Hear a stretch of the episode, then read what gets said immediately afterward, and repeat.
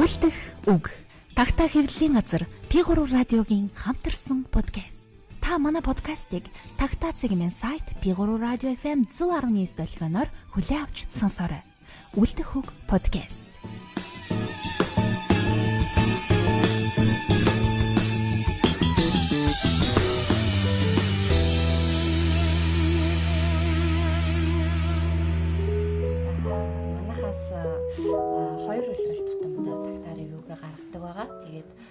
Сая өнгөрсөн одоо энэ дуусч буй намар бид уран бай гэдэг намрын дугаараа гаргасан байгаа. Тэгээ энэ сэтгүүлийнхаа тухай ярихаар студид а орчуулагч редактор Базар Аргачаагийн дэлгэрмаа орчуулагч редактор Бацаахны сувд болон ерөнхий редактор тус сэтгүүлийг удирдсан дэлгэрмаа миний би ингээ горуулаа сууж байна. За тэгэхээр манай сэтгүүлийг бол уншигчд маань хизээний мэдж байгаа тийм ээ утга зохиолын одоо цогц сэтгүүл гэж болно. Энэ маань бол дөрөв дэх дугаар. Тэгээд э, бид хэд одоо дөрөв дугаарын ард бас нилээд туршлагачжээ. Тэгээд яг л намрын үйлрэл шиг одоо нилээн тийм баялаг дугаар болсноороо уран бай сэтгүүл маань бол онцлог байгаа. Аа тэгээд энэ сэтгүүлийн бас өөр нэг онцлог гэх юм бол анхудаа анхудаа ч яах нөгөө өмнөх дугааруудад дандаа эргэтэй гэрэл зурагчид аа онцлогдчихсэн бол энэ дугаараас нэлээ эмгтээлэг байлгая гэд гэрэл зурагч Морис буюу цолмонг бас онцлсан байгаа. Тэгээд цолмон бол одоо Монголд одоо ийм маш гоё эстетиктэй тийм нүүд зургууд авдаг. Тийм гоё гэрэл зурагч. Тэгээд цолмонгоо онцлсан. Аа тэгээд дотроо нилээд олон сэдвийг багтаасан ийм дугаар болсон байгаа. Тэгэл бид гурав ерөөхдөө таалагдсан, өөрөө өөрсдөө таалагдсан одоо сэтгүүлийнхаа контентуудаас дурдаад дундаас нь гоё шүлэг мүлэг уншаад ярьслага марилцлагаас нь хүртэл ишлээд явчих гэж байгаа тийм ээ. Тий. За. Тэгвэл арай уншигч маань ойрхон байх болов уу гэж бодоод би тэгэд сэтгүүлээ болохоор 9 сарын ихээр хэвлэлтээс авсан гаргасан. Тэгээд аа сэтгүүл манд өнгөж ингээ гараад уншигчдад хүрээд явж исэн чинь нэрт зохиолч Өвха Монголд альчлаад бид нэр өөрсдөө ч гэсэндээ маш завгүй 9 сарыг үдлээ. Намын баяр боллоо. Тэгээд сэтгүүлийнхаа талаар одоо 10 сарын их хүртэл ерөөсөө ярьж амжаагүй тий. Тийм одоо тгийг амжаагүй явж байгаад одоо ингээд та бүхэндээ ярьж өгч байна. Ямар ч байсан намрын дугаарыг намартаа багтаагаад ингээд 10 дугаар сарын энэ өдөр бид гурав ярих гэж байна. За манай сэтгүүлийн гол зочноор болохоор сэтгүүл болгон маань гол онцлог харилцагтай явдаг. А энэ дугаарт бидгээд а түүхч, зохиолч, зураач, соёлын гавь зүтгэлтэн тангадын мандэр гэж эрхмийг онцлсан байгаа. Мандрагог бол бас манай уншигчд мэдэх байх 21 бүрэг гэдэг одоо 13 дугаар зууны үеийн те Чингис хааны байлдан дагуулын үеийн одоо 21 гол дүрийг өөрөө сонгож аваад зургийг зураад тэгээ түүхийн зурвас а түүхэн баримтууд болон одоо дунд нь өөрийнхөө цэвэр гоё уран зохиолын өгүүлэмж багтаасан тийм өвөрмөц хэлбэртэй номыг бүтээсэн байдаг. Тэгээд мандрагоо бол а уншигчдад бас те өргөн хүрээнтүүд илүү хүрээгүй тийм уран бүтээлч болохоор энэ хүнийг одоо дахин шинээр нэхэн зүйтэй юм аа гэж үзээд ийм ярилцлага. Манай эртний өмнөх хүн нэртэйгээр хийсэн байгаа. Тэгээд мандрагаагаас болохоор миний анзаарснаар болохоор мандрага маш эгэл даруу гэхдээ маш их түүхэн сурулж бичгүүд уншсан маш багасаа одоо хуучин монгол бичиг тайлагдсан. Тэгээд одоо тэр хуучин монгол бичгийн хаягаар дамжуулаад өвөр Монголд энтерт хэвлэгдсэн маш тийм нөгөө сайн түүхэн их сурвалжуудтай эртнээс танилцсан. Тийм хүн юм бэлээ. Тэгээд одоо энэ түүхийн өргөн мэдлэг дээрээ суурлаад өөрөө маш их тийм түүхийн сонирхолтой хүн учраас тий түүгээрээ дамжуулаад их гой гой номууд бичсэн. Мандрага бол одоо 21 зуул нүмгэн ер а саран зэв саран зэв хууж гэдэг сайхан зохиолуудаа одоо энэ нөгөө 21 хүргөө цааш үргэлжлүүлээд 32 цацлага 32 цацлагыг саяхан гаргасан. Цаашаа 48 юу лээ? Ингээ явах юм бэлээ нийт 108 болно. гэд одоо өөрөө дурдсан. Тэгээд одоо мандрагаатай ярилцж байхад жишээ нь түүхч зохиолч нагаан буу Тэгээ нөгөө хөгжмийн зохиолчдоо гал мандахгүй манай монголч зөндөө олон хөрхөн хөгжмөд гарна мэднэ. Энэ гурван хүний нөхөрлөл надад маш гой санагдчихсэн. Нэг нэгээ ингээд уран бүтээлийн югаар хөглөөд явдаг. Тэгээд би энэ мандрага ярилцлагаас ярилцлагыг боломжигчд маань уншиж байх. Тэгээд нэг хэсгийг нь бас онцлоё гэж бодсон. Одоо яг сайд дурдсан хоёр найздаа зориулаад мандрага маш гоё юм нэг зурус юм түүхэн дэвтэртэй бичсэн байсан юм гэдгээд энэ ярьцлага донд оруулсан байхгүй юу. Тэрийг би ингээ уншаад өгвөл сонирн байх болоо. За та хоёр минь их л өмнөө аран шинтэй. Нэг нь Нагаанбу Рождественскийн уянгат найргийг шүтэж чөлөөт мөч бүхэндээ үгсийг холбон эрдний хэлхийг үлдэх дуртай. Нөгөө нь ил гал мандах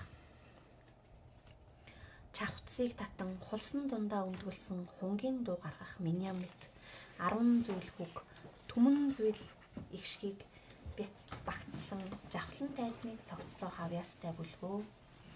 Чин хүслийн үзүр сэтгэлийн жигүүрийг дэг халуухан ирмэлцэлтэй багтана тийм химээвээс энэ бүгдийн үндэс нь их нутгийн атгахан шороонд оршин гэдгийг хизээд санагтун. Игэл ардын суу инхрийн нутгийн үзэмж их хэлний эвдэршгүй цогцсыг насан турхаар нандагнан амьдрал тэмцлийнхээ ариун шүтэн болгоорой. Найзууд минь ээ хүнд их нутаг нэг л заяадаг гэж эртнээс өгүүлжээ. Тэр нь 20 зуунд боловч хуучрахгүй. Гэхдээ хорвоод мөнх хувиршгүй юм үгүй болохоор их орон гэсэн сэтгэлгээ агуу том болохоос бус багсан адилан гэж яавч үгүй шүү. Зүрхний угт хэлэх үг олон байвч мөхс бодол эвлүүлэн чадахгүй аажимдаа дэлбэрэх лаван галтуул болсугай гэж хүснэ. За найзууд минь манай их бүчгийн хүн инженеаш химэх хас чулуу тайжин хоёр мөр шүлгийг уншиж намаагаа дурсвал байсан. Хүний сэтгэлийг хөдөлгөн нис чадвал хөнгөн биерийг хөширч юу хийн. Тийм ингээд найз нөхдөө хандаад ийм гоё тийм. Тэр уран бүлээлч тийм хүмүүсийн найз нөхөрлөл гэдэг юм гоё найдан эрхэм тэгэд хамгийн гол нь юм гоё нэг чин сэтгэлээсээ байгаа энэ нь яг яалтчгүй сэтгэл үнэхээр хөдлөж исэн. Мандаргой арилгаас маш их цаашдаа бичих төр баха. Урам зориг би бол авсан. Ялангуяа энэ загтлыг уншаад бүр маш их сэтгэл хөдлөж исэн. Надад бол яг гоё. Би бол нөгөө тэр шигчээнүүдээр уншсан шүү дээ тий. Тэгвэл нэг өгүүлэг орчуулж оролцсноос яг өөрөөр бол гар би оролцсон учраас тэгээд анх нөгөө мандргааг ингээд дугаарын зочин гэдэгт нь маш их баярлсан. Яа тэгэхээр миний бол оо хайртай монгол зохиолчдын маань нэг багхгүй юу. Тэгээд анх нөгөө нэг саран зэвийг уншичаад би бүр ингээд 10 жилийн хүүхдээсээ Тэг бүр ингээд уйлаад ингээд үгүй уйлаад гинэ юу яагаад огшоод гэх юм уу. Ингээд бүр аав сэтгэл хөдлөөд хамгийн сүүлд нь нөгөө нэг ингээд тэр бардаас эцэн гэж химбэ гэдгийг ингээд нэг таньдаг штэ тэ. Тэгээ тэр ингээд э, танаад ингээд өвгдийн ухаан гэдэг чинь ямар агуу юм бэ те гэж бодоод бүр ингээд айгүйх юм яг юу гэж хэлхээ мэдгүй байл та нэг юм гоё мэдрэмж төрөөдсөн. Тэгээд нөгөө тэрнээс хойш би ингээд мандрагаг айгүйх уншдаг ер нь болсон байхгүй юу. Тийм тэгээд сүүл тэр нөгөө нүмгэн ер гээд бас өгүүлгийн төөрнөөс айгу гоё байсан. Тэгэл 21 өөргөө одоо 30-аар цэцлэх нь бол хараахан уншааг байгаа. Гэтэ авцсан л. 32 цэцлэх нь болохоор нөгөө нэг нөгөө өгүүлэх хийнүүгээд уран сайхны хэсэг нөгөө ихэнд өгүүлэх, юунд өгүүлэх гэх түүхэн хэсэг байдаг шүү. Тэнгуут нөгөө нэг уран сайхан уран зохиолын хэсгээ багасгаад түүхэн сурвалжаа арай их болгоцсон байлээ. Тэгэхээр яг 21 үргэн нь болохоор нөгөө уран сайхан хэсэг их байхаараа бүр амар гоё нэг юм агшны үг ингэж аваад амар гоё амьд өгүүлцдэг те. Тэгээд би бас мандрагог болохоор 21 хүргөөр нь л мэдээд бас бусдын сайн уншиж амжаагүй байж байгаад яг энэ ярилцлагыг хийх гэж очиод гэртэн. Тэгээ баг бүх номыг бэлгэнд аваад. Тэгээ надад бас хамгийн их таалагдсан нь мандрагоо нэг ийм ном бичсэн бэлээ. Учрал шавьтаа илгээх загтал гэдэг. Гэхдээ яг тэр учрал нь болохоор яг улсын хурлын гишүүн одоо учрал юм бэлээ л дээ. Ер нь бол багш шав. Гэхдээ зүгээр гарчган тийм болохоос биш. Учралт ингээд яатсан ингээд гэтээ биш. Агуулга нь бүр маш гоё. Залуу үеийн залуу үеийнхэн уншихад хүүхдүүд уншихад одоо ингээд дэлхийн түүх болоод Монголын түүхээ уншиж болоход маш хэрэгтэй гоё юм. Богино богино загтлууд.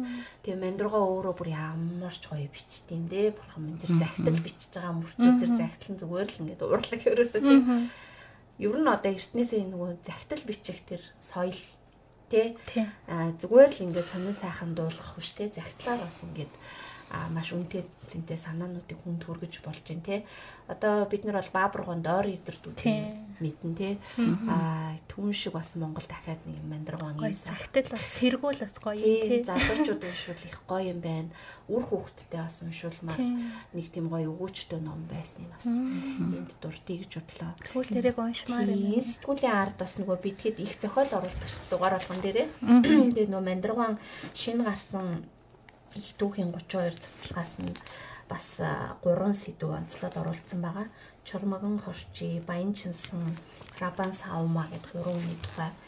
Тэгээд эндээс бас 3 3хан гэдэг богино хэсэг оруулсан ч гэсэн мандраган бүтээлтэй хараахан танилцаж амжааг өмшигчд маань бол ямар хуур цартаа уран бүтээлч гэдгийг те ялангуяа түүх бичлэг дуртай уншигчдад бол Тэгээ 21 хүргийн уншиж байлаа. Тэгээ үнэхээр тийм болох байх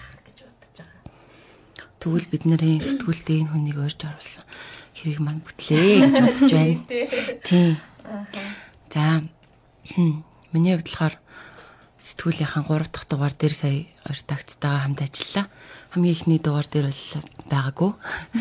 Тэгээд сэтгүүл маань өстө явн явн чангарна гэдэг шиг явах тусмаа агуулган баялаг болж бүх юм сайхан таарч нийцсэн сайхан сэтгүүл гарсан. Тэгээд Би болохоор кинонд бас аягүй дуртай хүний хувьд пүрэв ташийн зол жаргал гээд найруулагчийг бид нэр бас онцолж ярилцлага авсан байгаа. Өнөр жаргал маань ярилцлага хийсэн. Тэгээ энэ хүн болохоор нүцгэн гэрэл шат шар автобус гээд богино хэмжээний кинонуудтай. Тэгээд дөнгөж сайхан бид нар бүгдээрээ мэдж байгаа 76 дахь удаагийн Canon кино наадмын Uncertain Regard гээд хэсэгт кино баава болгосон гэд кинонд шалгарсан.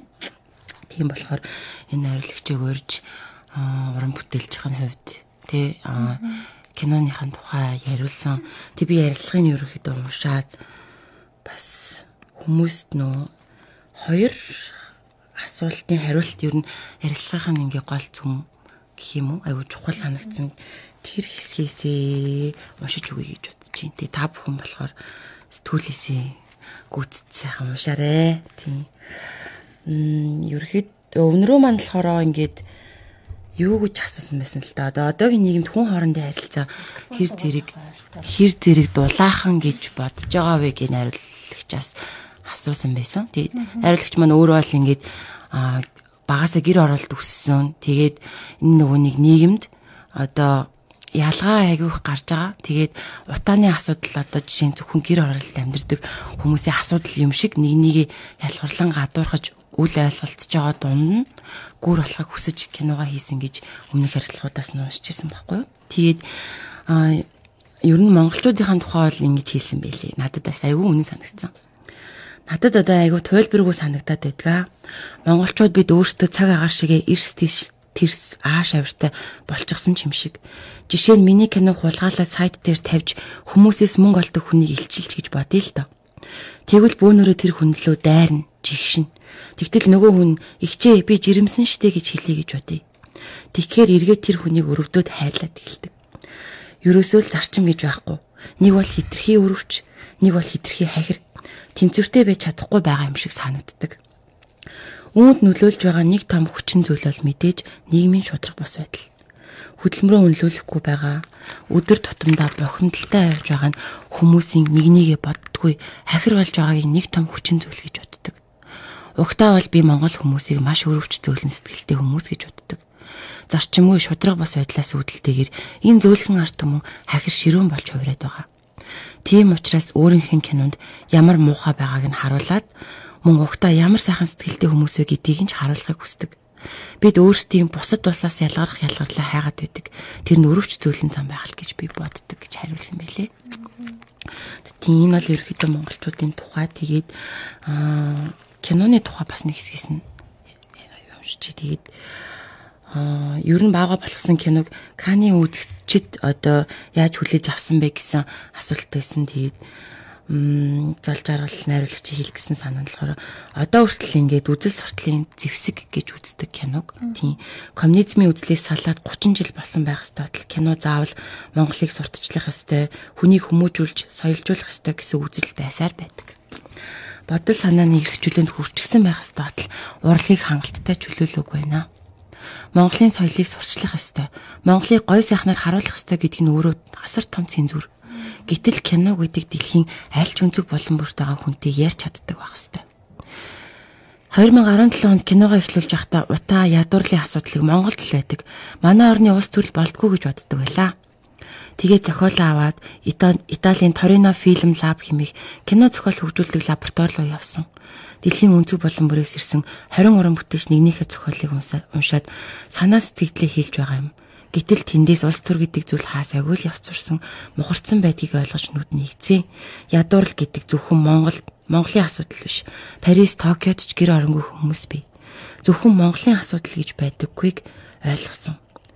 Тийм. Миний түүх бол ядуурлаас гарахын тулд сайн боловсрал хайж байгаа хүүхдийн түүх. Энэ бол Чикаго, Ванкувер, Бээжин гэд хаанч байгаа асуудал. Тийм. За, ер нь иймэрхүү ярилцлага нь маш өгөөчтэй тийм маш их таалагдсан юм байна. Одоо нөгөө Улаанбаатар юугаар Улаанбаатар кинонууд маар бага болгосон кино гарч байгаа юм билээ. Тэгээ одоо яг утааны үйлрэл ихэлж байна. Тийм бүгдээрээ тийм кан шалгарсан гэдгийг мэдж байгаа ч гэсэндээ үзээгүй амжаагүй явж байгаа. Тийм болохоор үзээл гэж бодож байгаа. Монгол найруулагч эмэгтэйхээ тий олон улсын тавцанд найруулагчаа болоод Монголынхоо нэрийг гаргасан энэ бүтээлийг бас бүгдээрээ Цэрс кино театрт очиж үзээ гэж уриалъя. Ярилцлагын уншаарай үнэхээр уран бүтээлтэй хандж байгаа. Энийг имийг харж байгаа үнцэг бол тэгэхээр өөр санагцсан. Тийм. Одоо нөгөө манай орчин үеийн Монголын кино урлагч өрн зүгээр арилжааны те кинонууд зөнхөлсөн ийм юм донд одоо цэвэр уран бүтээлч хүний эмзэглэлээрээ те нийгмийн асуудлыг хөндөж байгаа. Тэгээд ийм эмхтэй найруулагч одоо киногоо хийхэд бол одоо өөрөө жишээ нь одоо золиос гэж муугаар хэлэх нь цаашаа тий. Гэтэ юу юугаа яаж зориг тий. Зоригтой тий. Тэгээд ингээд үнэхээр уран бүтээлийнхаа төлөө шатаж хийх гэж хийж байгаа бүтээх гэж бүтээж байгаа ийм гоё цэл залуу юм хтэй байна. Үнэхээр бидний бол одоо энэ 23 оны бас нэг бахархах үйл явдлын нэг бол баага болгосон кино олон зал жаргал найруулагч гарцааг өмнө те. Тэгэхээр зал жаргал найруулагчдаа бас мөн нөгөө Book and Movie Holics гэдэг одоо пэйж хөтэлдэг. Орчуулагч, өмжлөгч, орчуулагч нар мандахын өнөр жаргал маань ярилцсан байгаа шүү. Тэгээ энэ ярилцлагыг бас уншуул нэлээд өгөөчтэй тийм байна. Совдад ямар Надад бол энэ дугаар э, үнэхээр таалагдсан. Тэгээд яг онцлог юунууд маш олон л лсэн л да. Одоо мандрууга ярилцлага байна те. Сая ингээд зол жаргалын ярилцлага. Аа тэгээд дээрэс нь нөгөө э, заяа ах имбос ах хоёрын нөгөө орхон бомгтай хийсэн уулзсан тэр бол үнэхээр бүр атаархал нөгөө цагаан атаархал төрүүлсэн тэмдэглэл байсан. Тэгээд үнэхээр нөгөө орхон памукч одоо бас манай тагтаагаас хоёр ном нь гарсан тий. Тэгэхээр бид нарт бол одоо манай тагтаагийн батны зохиолч тий. Тэгэхээр маш гоё яасан. Тэгээд манай уран зохиолын хүрээндээ их олон хүмүүс татаарсан л да. Тийм тэгээд тэр бас гоё яасан. Тэгээд нөгөө мөөгийн нөгөө Ленардо да Винчигийн чулуун зохны дэр гэдгээ тэр бас маш гоё тэмдэг аян замын тэмдэглэлтэй байсан. Тэгээд бас нэг онцлог нь болохоор нөгөө Сахиагийн Бямбаг бай бид нар одоо нөгөө киноны хариулагч гэдгээр нь илүү мэдээд байдаг те. Тэгэхээр тэр хүн чинь ингээд үнэхээр бас маш одоо зохиолч хүн юм байна. Тэгээ тэгээд баясагч манаас олж нээгээд өөрөө нөгөө явуулсан юм байл л те. Та нарыг үзэхгүй юу гэд тэгээд ингээд явуулсан чинь үнэхээр бас гоё ингээд бичдэг юм байлээ. Тэгээд магадгүй ингээд киноны хариулагч болоогүй байсан бол бас бас л одоо ингээд яригдах Монголын те одоо нэртэй мундаг зохиолчдын нэг байх бүрэн боломжтой хүн байсан шиг санагдсан. Тэгээ энэ э, юу нь болохоор айгүй хөөрхөн э, одоо яг л ингээл нөгөө амьдрал байдаг яг амьдрал л бичсэн байгаа байхгүй юу. Ингээд нэг тийм амьдралаа тасархаа нэг хитрхи хийсүрдээ ингээд амьдрал байхгүй ч юм уу тийм юм бичээгүй ингээд хүн болгоны амьдрал тохиолдчих л байдаг. Тийм одоо нэг юм одоо ихнэр авдаггүй нэг залуу те тэгэл ингээл ойр дотных нь одоо ээж ээж ч юм уу те ингээл нэг ачаа харчих юм ч гэдэг юм уу? Те ингээл нөгөө явуулаад тэгэл ингээд нэг найз зүгтээ боллоо. Гэхэд нөгөөхдөө ингээд муудалцаад тэгээд ингээд нэг юм сэтгэл рүү ингээд айгу орж ицсэн байхгүй. Ингээд хүн ингээд нэг ганцаардаад те ингээд нэг цөхрөөд яг нэг яахаа мэдхээ болоод нэг хүнтэй ингээд нэг ярилцмаар санагддээ штэ. Тэгэхэд ингээд үнэхээр ингээд бидний ингээд одоо найз нөхөд эргэн тойрны хүн биднэрт нэрээ үнэхээр ингээд ярилцах хүн байдгийн болов гэд надад ч гэсэн ингээд заримдаа тохиолдог байхгүй. Ингээд маш олон ингээл найзууд байгаа ч юм шиг те. Надад ингээд айгүй олон хайртай хүмүүс мэдээж байгаа. Тэдний бүгдийг мэднэ те. Аав ээж ах トゥ дахин ижил а гэхдээ заримдаа үнэхээр ингээд ярилцах уу? Нэг ч байхгүй юм шиг юм нэг мэдрэн төрдөг байхгүй юу? Тэгээд надад болохоор яг нэг яг нэг тийм үедээ ингээд уншсан болохоор ингээд айгүй юм гүн туссан гэх юм уу? Тэгээд надад энэ өгүүлбэр ингээд амар таалагдсан байхгүй юу? Би энийг уншаагч зовлон жаргал ариун нандин бүхнээсээ аваад хорсол гомдол хагцал өхөл үй гашуу бүгдээ хуваалцаж амьдралын бартаар замд бүтрэгт нь гараа сунган багч гэсэн оргилд гарахт нь өөрөө гарсан мэт баярлаж хизээж салж хагцаж уруу шарвах шарвахааргүй явсан хүмүүс он цаг өнгөрөх тусам холдон хүндэрөөд өөрсдийг нь холбож байсан итгэл хайр хүнлэг сайхан сэтгэл нь нээлгүй утсан тэмдэглэлийн дэвтэр задлалгүй оргисон загтлын мөрүүд шиг шаардлан гунцныг ч анзаарах сөхөөгүй. Тус тусныхаа хэрэм цайзад хувь хувийнхаа амьдралыг хүн жил тоотоо болдог баяр ёслолын өдөр ч юм уу аль бамны хэрэгцээ шаардлага гарахтаа л сая санах утасны дугаар гэрийн хаяг бичсэн дэвтрээ сандсан сандчин эрцгийх болчих юм да гэд.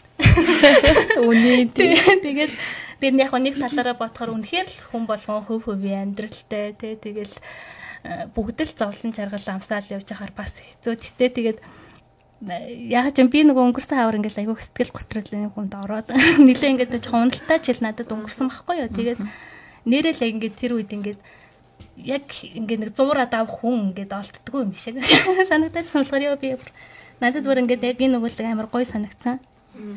Тэгээд бас манай юу одоо яриад өчгөрч мачхан онцгүй байх л та. Тэгэхээр гоё уншаад үзвэл ингээд айгүй гоё мэдрэх юм биш. Ямар найруулагчиг одоо нөгөө найруулагч гэдгээс нь бас нэг өөр уран бүтээлч юм зүгээр харах нь. Тэгээ дээр нөгөө цэл залуудаа бичсэн гэдэг нь айгүй гоё. Тийм болохоор нөгөө сэтгүүл дээр хүртэл бид нөгөө залуугийнхан зургийг тэгээ нөгөө нэг ингээд бид нэрлөө явуулсан өгүүлэг нь болохоор ингээд шар юм цаасан дээр бичгийн машинаар ингээд товшоод бичсэн. Бичний нүүрэн байсан шүү дээ. Тэгээд тэрийг би болохоор яг тэрнээс нь буулгаа шивсэн.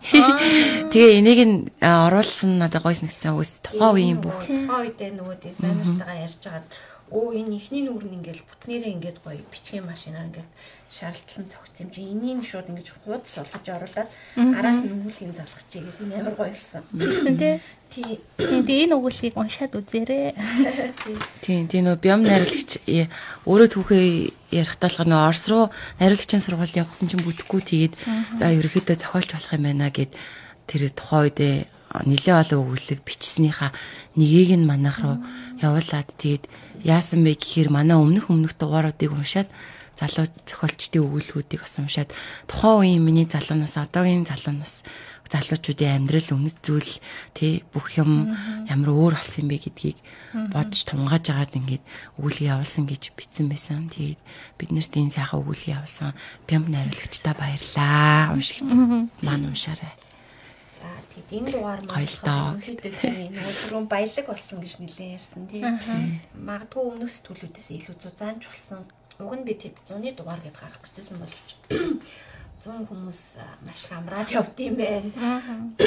Ажилдаа бас амралтын үе гэдэг болохоор ялчгүй хойшоо сумсараагаад намар болоод намрын дугаар болж гарсан. Гэхдээ нь хэрэмж онсон гэж бодож байгаа Яагаад гэвэл тэр хэрээр материалууд маань аягүй чанарлсан.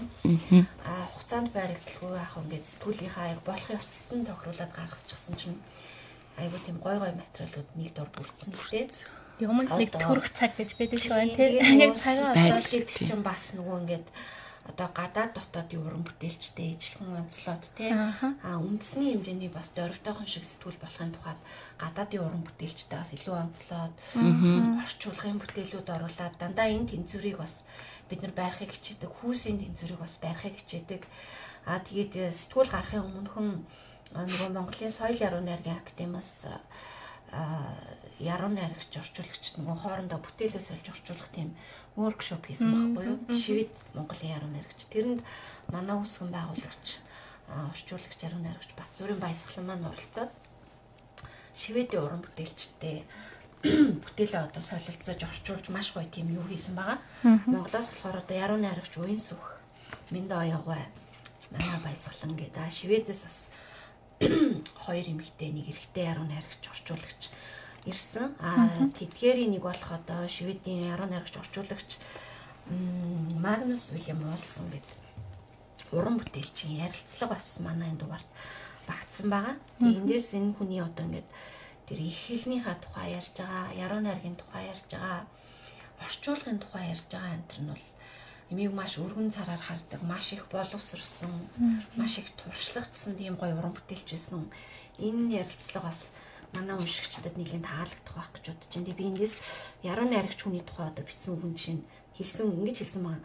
Яруу найрагч хүнд бол сайн шүлэг бичгээс өөр нийгмийн үүрэг хариуцлага байхгүй болов уу гэд тэ. Тэгээд нэрэл одоо сайн шүлэгчээс өөр биднэрт одоо ямар үүрэг хариуцлага байх юм бэ гэж бодогдмоор яруу найраг боломжгүй боломжтой болгохын тухайд маш эртний уламжлалтай тэр ч утгаараа яруу найраг одоогийн уншигчдад хаяглагтахаас илүүтэй хэдийн төрөл ярилцсан эсвэл энэ хорвоод хараахан төрөөгүйчүүл зориулагддаг гэдэг ч юм уу юм айгу гой гой юунуудыг хөндөж ингээд ярилцлагандаа өгсөн байсан л та. Яруу найраг бол боломжгүй боломжтой болоход бидэнд тусалдаг. Бас адилсалт тэмүүлж бүгдээрээ ижил байх гэсэн хүслээс минь биднийг чөлөөлж альва өөрчлөлт хувирлыг тайвнаар хүлээж авахд сургадаг гэдэг яруу найргийг тодорхойлж хэлсэн үгнүүд нь надад бас айгүй онцгой гой санагдсан. Тэгээд шивэд хэлний тухай, орчуулгын тухай ярианууд юм. Бас энд бүгдийг нь уншаад цагч богн дээр нь уншигч манаас өөрсдөө уншуулсан гоё. А мөн түүний 2 3 яруу найраг мөн баясгалангийн орчуулгаар сэтгүүлд маань орсон байгаа.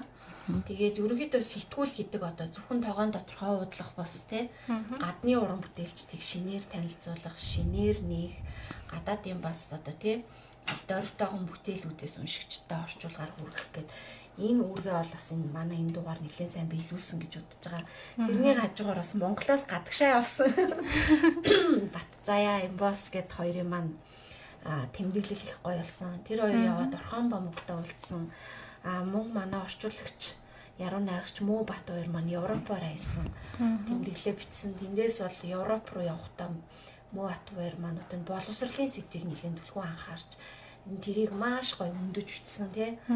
Тэгээд гих мэдчлээ юм нөгөө бичвэрүүд маань нэлээд даацтай тэгж болж ирсэн. Тэмдэглэл хөөрөг одоо юу гэдгийг орчуулга ярилцлага гэдэг айл айл одоо уран зохиолыг одоо тест үзэн ямар төрлөөр хүргэж болох тэр болгоныг нилээ сайн багтаасан байгаа. Заавал миний хоолой жоохон бэрчгнээ. Аа за. Та хоёр ярина да. Гадуур харин ханаа том их байна. Тийг нэг шүлэг дуудаад. Аа шүлэг дууднаа гэдэг. Аа тийм бид нар тэгээд би яа гэж бодож исэн бэ гэхээр аа 2 жил тутамд манай гигийн шувуу сангаас Такта прайз утга зохиолын шилдэг бүтээл шалгаруулах уралдаан маань болдог. Тэгээ энэ хавраас болон тэгээд 2 жилийн өмнө манай Такта прайзын шилдэг яруу найрагч шалгарсан тий. Өөр Монголын үрдэц цорны Шилийн гол аймгийн зүү үзэмжин хушуун төрсөн үлзий Баатрин Балжин ам гээд яруу найрагчийг энэ удаагийн дугаартаа бид нэр онцолж шүлгүүдийн нийтлсэн. Тэгээд Балжаа маань өнгөрсөн хавар бүрэг даслал үгс гээд шүлгийн төврээ гаргасан. Тэгээд надад бол миний хайртай унших туртай яруу найрагч нэгээр нэмэгцэн баяртай үйл явдал болсон. Тэгэхээр балжаагийнхаа шүлгүүдээс нэг ганц хоёрыг уншчихоо гэж бодлоо. Юу яах вэ? Би тийм цаг болж байгаа яаж байгаа юм бэ? Нэг нэг шүлэг. Тийм нэг нэг нэг шүлэг уншаад би айгу богинохон шүлэг уншиж. Цаг орой болж шүлэг бичих минь болж дадсан ясаараа дотор хүндөрлээд эхэлж байна. Үгүй чамайг санах минь болж ингээд бичээд л байвал би түүртэй болж чамайг бодоод л байвал би өвчтөн болно. Дасна гэдэг өвчин гэж надад уншиж байснаа санаж байна уу? Өөр хүний тухай шүлэг бичих чамаас урах шиг шүлэг бичихгүй байна гэдэг өөрөөсөө урах шиг. За. Таалагдсан Дуртай шүлэг шүлэг унших юм эндээс. Тэхүү ямар байна? Юу ярмаар байна сувда. Надад нөгөө гончиг ах юм бас нөгөө өвгөн хэмээнгүй гэдээ орсон байсан шүү дээ. Цул мөнгөн гүүр гээд анхны одоо анхных нь ах те яг үргэл хүүрнэл зохиолн те. Тэгээ яруу найргийн бол гэдэг ном байгаа. Тийм тэгээд дурсамжийн тэр айгу маш гоё ном байсан. Тэгээд тэндээс нөгөө өвгөн хэмээнгүй гээд аа дурсамжнаас орсон байсан шүү дээ. Тэрийг бас уншаад тэгээд номыг бас авч уншвал бас ер нь нөгөө нэг яг энэ дурсамжийн одоо манайхан нөгөө нэг э, Орхон Памукаас хойш нөгөө Стамбул дурсамж авах тэгэл нөгөө нэг Пелинигийн дурсамж энтрийг уншаал э, ярьжсэн шүү дээ. Ингээм гоё дурсамжууд бичвэл. Одоо ялангуяа Стамбулыг уншсан олон хүнээс би сонсчихсан байхгүй. Бид нар ингээд орон хотоо өөрсдийнхөөрөө те ингээд яагаад ингэж бичиж болохгүй гэж гэдэг тийм уран бүтээлийн одоо урам зориг авсан гэж олон хүн ярьжсэн. Тэгэхээр яг э, гончог ах бол яг тэр зорилгоос би илүүсэн байсан л да. Өөрийнхөө одоо төрж өссөн цөөрөнгийн те цөөрөнгөө ингээд одоо уран бүтээлээрээ мөнгөлөөд үлдээж байгаа байхгүй тэгэхээр жаргалт тэгээд ер нь ингээд нөгөө нэг э, тэр төөрийг уншиж хахад гончог ах ингээд одоо ингээд 30 эдэн настай хүн ингээд бичиж байгаа шүү дээ. Тэгтээ ингээд яг тэр битсэн юу нэг нэг гой хүүхдийн сэтгэлээрээ те ингээд нэг гой нандин ингээд тэр дурсамжуудаа ямар сайн сандгийн тэгээд үнэхээр ингээд маш тийм гой гигэн хүүхэд насндаа очсон. Тэгээ бид нар чинь ерөнхийдөө бол ойролцоо үеийнхэн штэ. Яг 90-ад оны нөгөө нэг ингээд зах зээлийн шуурга нэг тэрэг адилхан л бас бав байхдаа ингээд даваад гарсан хүмүүс. Тэгэхээр биднэрт ингээд багын дурсамж мурсамж бас нилээ ингээд огтлцож байгаа байхгүй юу? Тийм тэгээд ингээд айгүй гой манай 90 80-ад оны сүүл 90-ад оныхынд бол айгүй танил дотн бүр ингээд айгүй сэтгэлд нь хүрэх Дурсамжийг заавал хөнгөлж өгшөрж ийж бас бичдэг юм бэлээ шүү. Одоо бичдэг нь баг илүү те залуудаа ингэж амьд ч юм шиг те бүр илүү мартахаасаа өмнө ч гэдэг юм уу те. Тийм байсан шүү. Тэр хайгуу гоё байсан шүү. Бас онцлоод хэлэхэд. Тийм.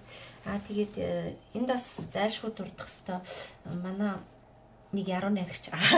Наран Нямбугийн наран гэрлэхэд маш гоё эмхтэй яруу найрагч бүсгүй тийм ээ эмгтэй харин агч бүсгүй. Бүсгүй. Тэгээд бид нар нөгөө энэ дугаарт ингээд юун төлөө юм гоё эмгтээлэг мүүдтэй те ийм гоё зургууд сонголоо гэд бодож байгаад нэмхүүгийн наран гэрлийг онцлсан байгаа. Наран гэрэл маань одоо Монгол улсын хэлний бодлогын зөвлөлийн тэр үнээр ажилдаг. Тийм мэдрэхүүн нэг хөдөлгөөн гэд хоёр яруу найргийн номтой аа бас судалгааны ажлууд нэлээд хийдэг, туйл судалдаг юм гоё эмгтэй. Би тэгээд нараа маань бол бас мөн уншигч болгон мэдгүй боловч тийм маш нандин үнэхээр гоё монгол хэлнийхээ бас гоо сайхныг эзэмсэн тийм яруу найрагч гэж боддог. За тэгээд нараагийнхаа нэг шүлхийг уншаад тэгээ гурлаас сэтгүүлийн нэг дүгнээд дуусгах чийдээ дүрчээ тий. За нямхуугийн наран гэрэл. Зун дуусаж намар эхэлж зулаг ороох ус нараан даахгүй тамирдаж цуслангийн байшингийн орой чимээгүй давтаж цов нүмерсэн бүсгүй цөөрэ хүрэхгүй алсыг цурамж хийлэн ширтэх хаяан дах айлын яндангаас халуун цог үсчих. Хашаан дах үхэр мал үс хивэх. Харгуй дүүрэн навчис замаар нэг өглөрөх. Хамар шархруулсан хүлээлт тахир замын энтэй. Гэд миний л бодлоор энэ ингээд хүлээлтийн тухай маш гоё шүлэг. Хамгийн гоё шүлэг. Шүлгийг ингээд унших сонсох хоёроор шал өөр юм бэ те. Өөрөө унших сая ингээд дэг их чиг өмнө өөрөө уншсан ч гэсэн дэг их чиг сая уншсан чинь бүр илүү өөрөөр сонсогдож байна. Шал өөр сонсогдож байна. Тийм тэгээд гэрэл зурагчин цолмон маань бас бас айгүй юм чимээгүй уран бүтээлчихгүй юу? Манай энэ наран гэрэл гээл те. Бас чимээгүй уран бүтээлч орон нутгад маш чимээгүй уран бүтээлч. А бян баах бас жишээ нь те уран зохиолын одоо мандаргаа бид мдээгүй мандаргаа бас ийг л дарах юм аа игээ сууж идэг. Сая ингээд ярьж байхдаа харсан чинь манай энэ сэтгүүл нөгөө тийм дээ тийм аа тийм. Чимээгүй бөгөөд ингээд уран бүтээлтэй хүчтэй хүмүүс үнэн хүчтэй хүмүүсийг нэлээ онцлсан дугаар болж байгааг сая ярианыхаа явцад гинт анзаарлаа тэгээд бас өшөө бас нэг онцлох нөгөө Саймон Викхэм Смит нацагд оржийн тухай бас маш уртаа сүртэй судалгаа нэг өгүүл бичснийг энд дэлгэрмагийн маань орчуулгаар оруулсан байгаа. Тэгээ энийг бас одоо утга зохиол э, судалгаа шинжилгээ хийдэг уран зохиол сонирхдаг залуучууд уншихад маш их үр өгөөжтэй. Одоо Монголын уран зохиолыг орчин цагийн уран зохиолыг үндэслэгч гэдэг нацагд орж байгаа бас тийм а илүү нээхэд бас түн болох юм юу орсон байгаа. За тэгээд бид хэдийн подкаст маань ингээд ер нь энэ үрээд өндөрлөх гэж ингээд уран байс түл маань сая намар ингээд гарсан байгаа. Бид хэд уухаа зохиолчхоо бас зочлох сураг мургаар сэтгүүлээ нилээ ярихгүй өнгөрөөцсөн. Тэгээд дурддаггүй бас зөндөө юу байгаа те уншигчд маань бас өөрсдөө уншвал. Үүний дараа хэдүүлээ тагтаарын юугийнхаа бас 5 дахь дугаар буюу өвлийн дугаараар тэгээд уулзцгаая. За уран байс сэтгүүл намрын сэтгүүлийн тухай подкаст таамтайсан баярлалаа. Баяртай. Баяртай. Ахаа мод юу болчихсон.